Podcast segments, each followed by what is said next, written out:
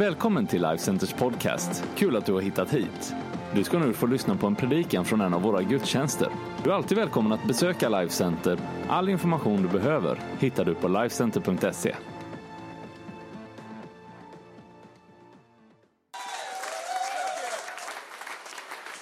Okay. Thank you so much. You can go ahead and be seated. And uh, just turn to the person sitting next to you and say, Thank you, God, for the sun. Uh, did you see the sun is outside? That's beautiful, huh? It's a beautiful thing in Sweden, right?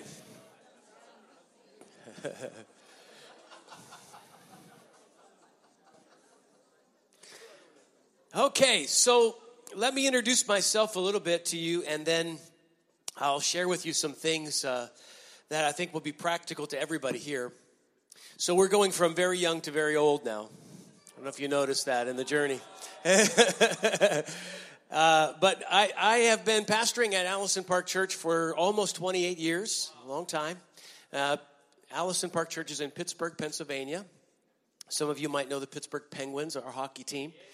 We've had some good uh, Steelers, Pittsburgh Steelers too. We've had some good Swedish players on the Penguins, so maybe you know that, right?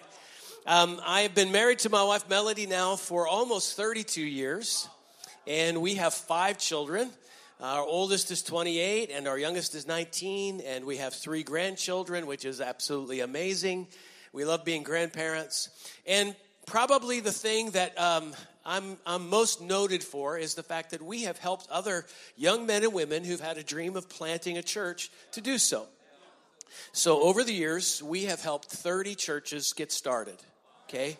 So we, yeah, we've been backing people up and sending them out and raising funds, and we've been a part of 30 New Churches project here in Sweden, that's part of why I'm here uh, because we're just cheering you on, and uh, so thankful for some of the church planters in the room today. We love you guys. We're proud of you, and um, so I've been asked to talk about some key things about how uh, we build the church, and I want to talk today. You know, a lot of the things that we got from John today were things that were very practical and strategic.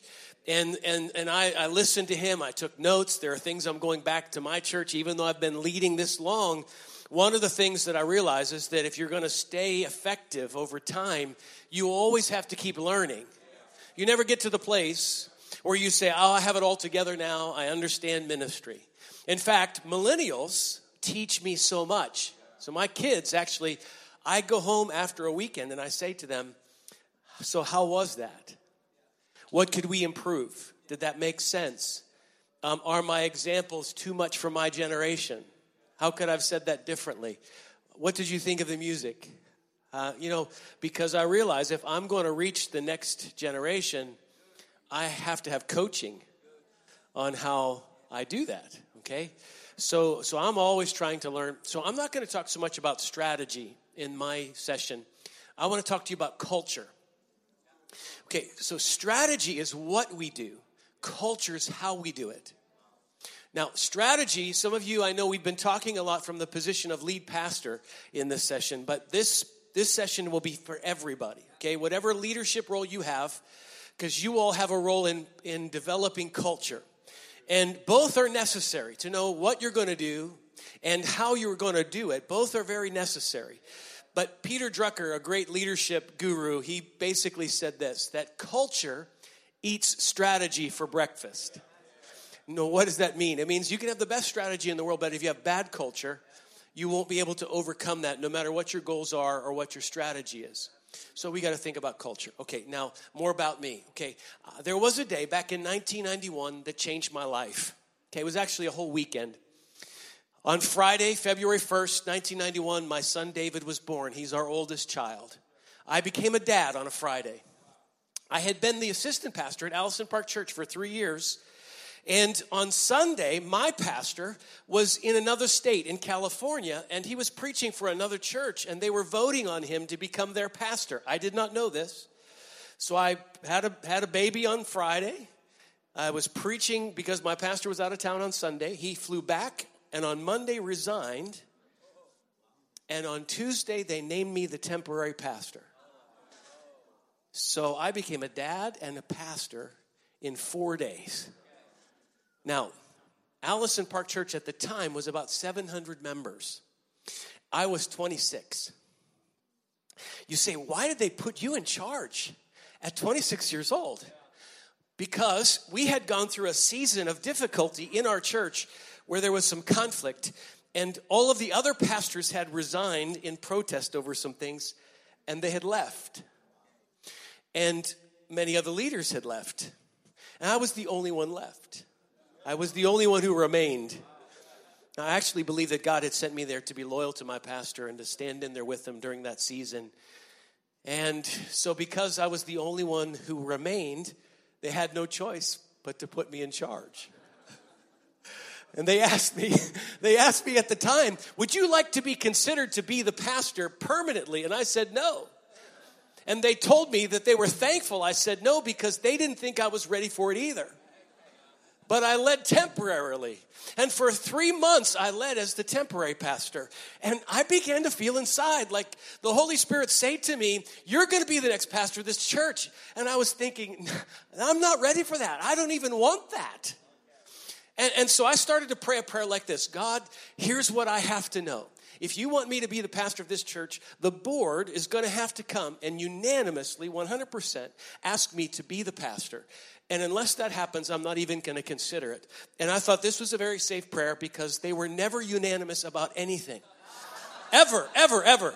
Seven board members, they never agreed. So I thought this will never take place. And in June, they had a meeting and they decided they wanted me to become the pastor. So when they told me, I said, Was it unanimous? They said, Yes. I said, Well, I guess I've prayed myself into a corner. I don't know what else to do. So they named me pastor.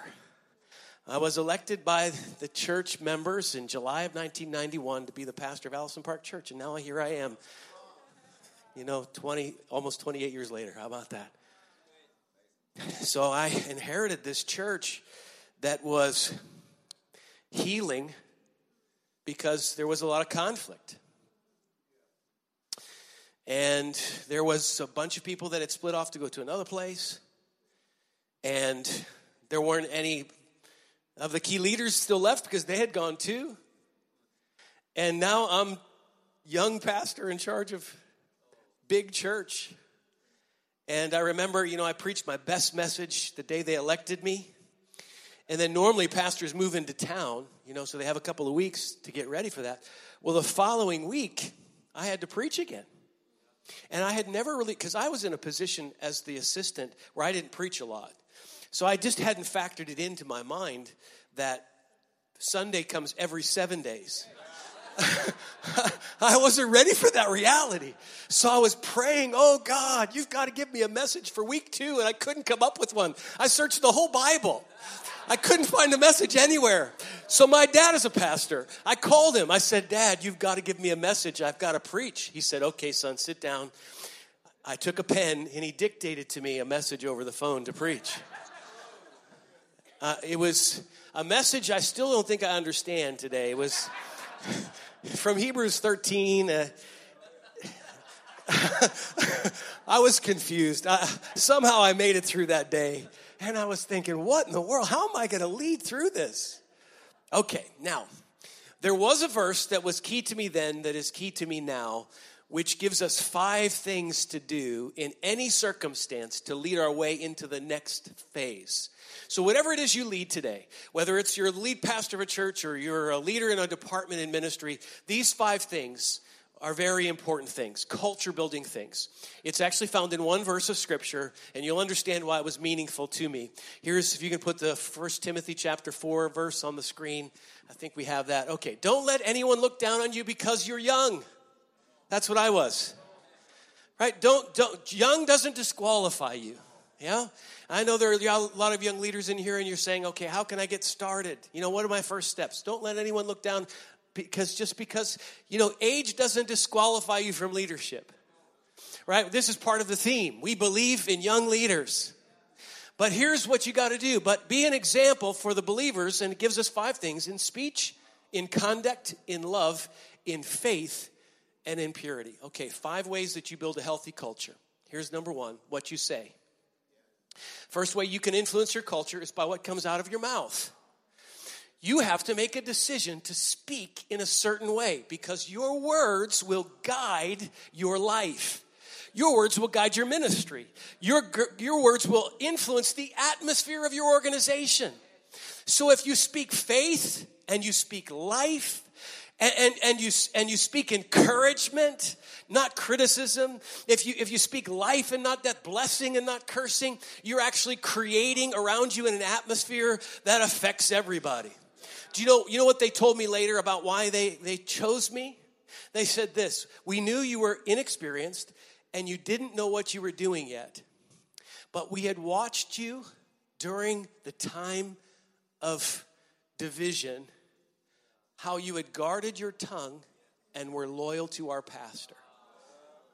And they said, We know we can trust him, so he'll figure it out as we go along, but they had listened to what I said and didn't say.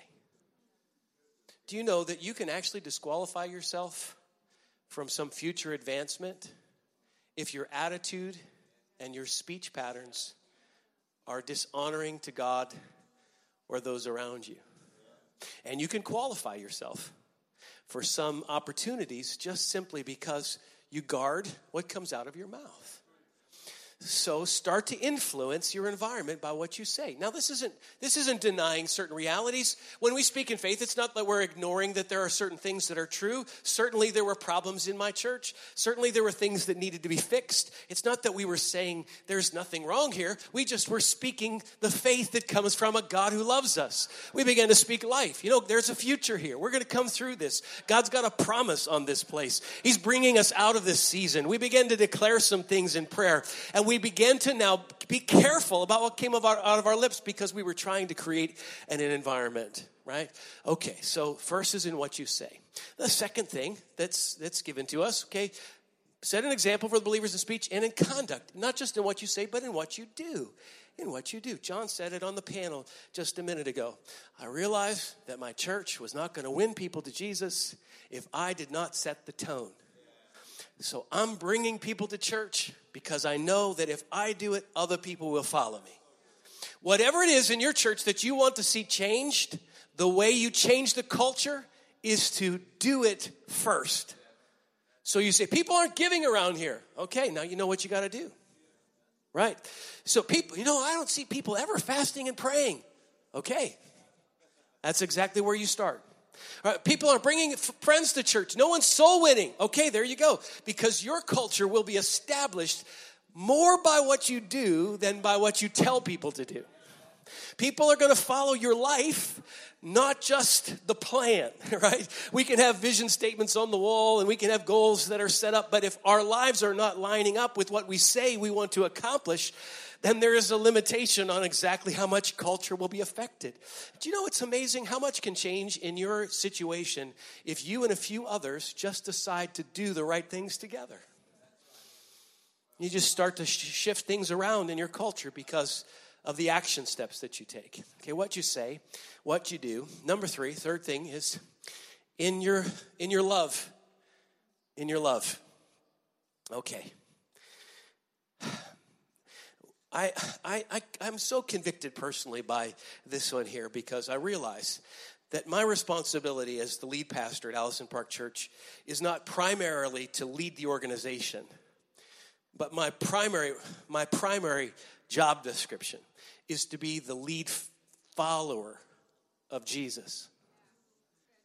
That in the, in the analysis, what I'm really not trying to do is to be a CEO of a growing institution but to be the lead disciple of a person. Right? I, want, I hope my, my church won't say, boy, he is just the master leader. I want them to say, wow, my pastor's a lot like Jesus.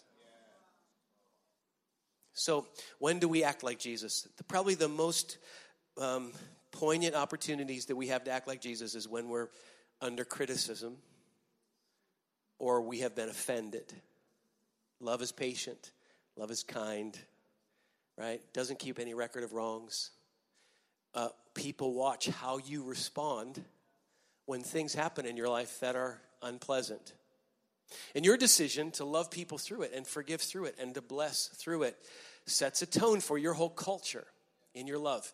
So we we began to do this. We began to to you know insist on the process of giving and receiving forgiveness. You know, a lot of what we did to heal, and I'm talking to some people I know that you maybe you're in a transition phase. You are in leadership in a church that has gone through a difficult time and you're trying to turn it around and bring it into the future. There were a couple of things that we did that I think I look back on it and I say, I think this is the right thing. I, I, didn't know what I was doing at the time. I was just trying to feel it out and obey God one step at a time. One of the things that we did is we had fun. We loved each other just in very fun ways. We had picnics and parties, which we hadn't had for a long time, and we celebrated each other, and that was great. I think John said that earlier. Don't let the fun come out of ministry. We shouldn't be enduring church, we should be enjoying it. If you're not having fun doing ministry, then you need to bring the fun back, right? So we just started to laugh and have fun. Then we began to teach a very important process that we that we hold to as a church to this day. My, my staff is so sick of me saying this, but I say it over and over and over again because I want them to know what to do when there's a problem. I won't read you the verses, but there is a process that's identified for us in the book of Matthew, chapter 18, on how to deal with conflict. Jesus said, if you find somebody in sin or who's offended you, here's what you're supposed to do go to them privately and personally, talk about it one on one. Don't talk to somebody else about it. Talk to them. If it doesn't get resolved, bring a mediator along and let them work it out with you. If that doesn't get resolved, well, then bring it to church leadership and let them help resolve it. So we began because what was happening when the church was in conflict was the exact opposite of that. You know, I got to tell you, for when when I was working with my pastor as the assistant, when there was a lot of conflict. It's not like anybody had done any huge wrong. There was no moral failure, there was no money stealing, there was no doctrinal error. The only thing that had happened was this people started talking about each other rather than to each other. That was it. And so there was dissension that grew and difficulty that came. So when I took over, I said, from now on, we talk to each other, not about each other. And and we're just not going to allow for people to talk about each other. If I hear it, I will confront you. And I will say, so if somebody says, hey, I need to talk to you, Pastor, about your youth pastor, because do you know they're doing this or that? I'll say to them, have you talked to them? They say, well, no, no, I don't think they'll receive that. I say, well, well hold on now. Until you talk to them, I am not going to listen to you. I'm not even going to hear it. You got to go to them first. And okay, if they don't respond, then you bring me along but you owe it to them first. Do you know how much trust I earn with my youth pastor when I have his back? Yeah, so so there is this culture you have to create on how to handle conflict with each other. Okay, I'll tell you some good news about the, the, the church journey. So, five years in to me being the pastor, we decided that we were going to have a 30th anniversary celebration. Our church was 30 years old.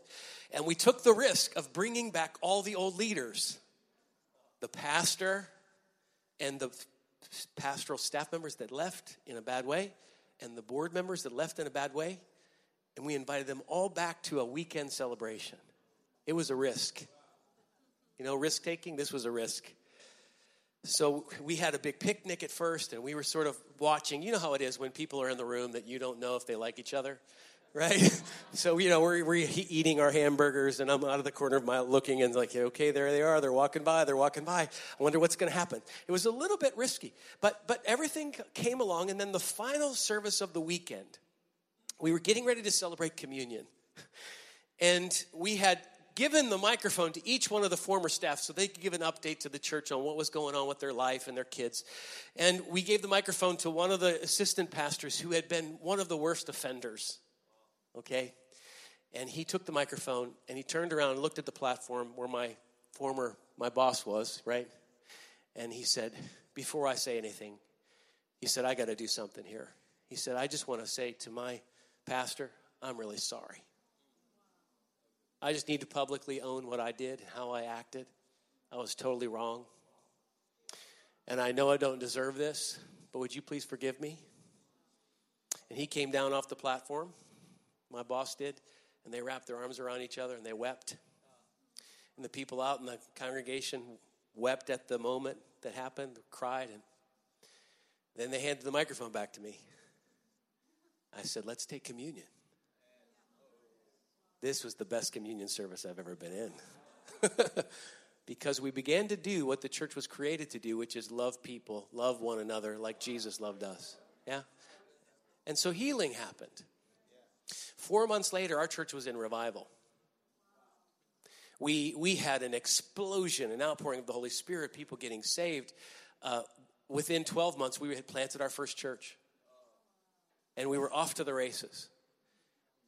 And a lot of it came because of the choice to build culture, to build into our culture love. Okay, here's the, the fourth one in faith. In faith. So, in what you say, in your speech, in what you do, okay, you lead the way in your love, how you respond to one another.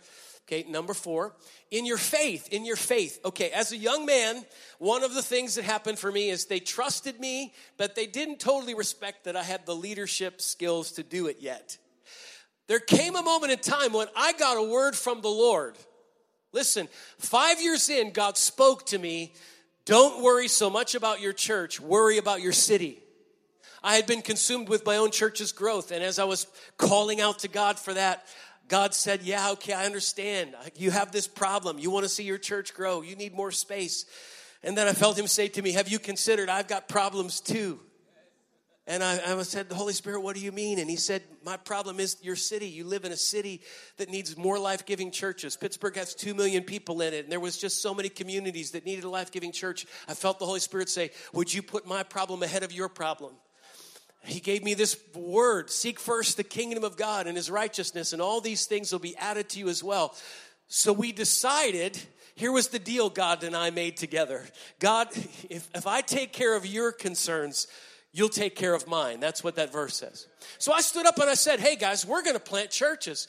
God has put it in my heart. We want to reach our city. We're going to plant five churches in the next five years. God has given me a word. We're going to move on this. And all of a sudden now, people in my church sat up a little bit. Like, whoa, the young man's got a vision, right? There's faith coming out of him. I think he's going to take us someplace now. There comes a moment in your leadership where you have to lead out of faith. Now, there is a difference between vision and faith. Let me just say vision is you dreaming about the future, comes out of here. Faith is hearing from God. Faith comes from a word, and we hear the word of the Lord for our lives, and we put faith in it, and that produces vision. But if you have vision without faith, then you're pursuing something that God may not be in. But if you have faith that produces vision, then you have a word from God, and it's up to Him to accomplish what He's promised you. Look, this is why we fast and pray. And as leaders, this is what you need. You need to do more than just tactically lead better. You need to hear God speak into your life, get a promise from Him about what you lead, and declare that promise and pray that promise and lead on that promise until the result comes. And when people around you see your faith acted out, they'll begin to follow you on a different level. Okay, young man, okay, young woman, you want to you want to tackle something? You want to go after something? Hear from God. Just say, God, tell me what I'm supposed to do. Give me a promise. And when you act in faith, something begins to take place. Okay, the final one then is in your purity. Okay, what you say, what you do, how you respond in love to one another, in your faith. And then the fifth one is in your purity. In your purity. Okay, maintaining purity. Let's talk about this for a minute. Anytime the word purity comes up, we have this tendency to immediately think of shame. There is a shame context that comes with purity. We have a tendency to think, yeah, I've compromised in some areas and I've failed in some areas. And we begin to feel a little bit heavy when we think purity. And we forget sometimes that punishment for sin happened at the cross that all sin was punished at one place, in one time, in the body of Jesus when he died on the cross. And God is not after punishment in your life. He's already punished Jesus for it. And Jesus said, It is finished. So when we walk in purity, it's not to avoid God being mad at us. It's not to avoid God's punishment with us. It's, it's simply because purity provides incredible value to your life. And once we get past the guilt, many of us don't know why purity. Why purity? Let me give you three reasons why you need to walk in a pure life. Okay, the very first reason is with purity comes intimacy. If you live a pure life, you will be close to God. Anything that gets in the way of your intimacy with God is something that's God's enemy. Do you know if I want to have an intimate relationship with my wife, I have to be exclusive with her. If you don't have exclusivity, you'll have no intimacy.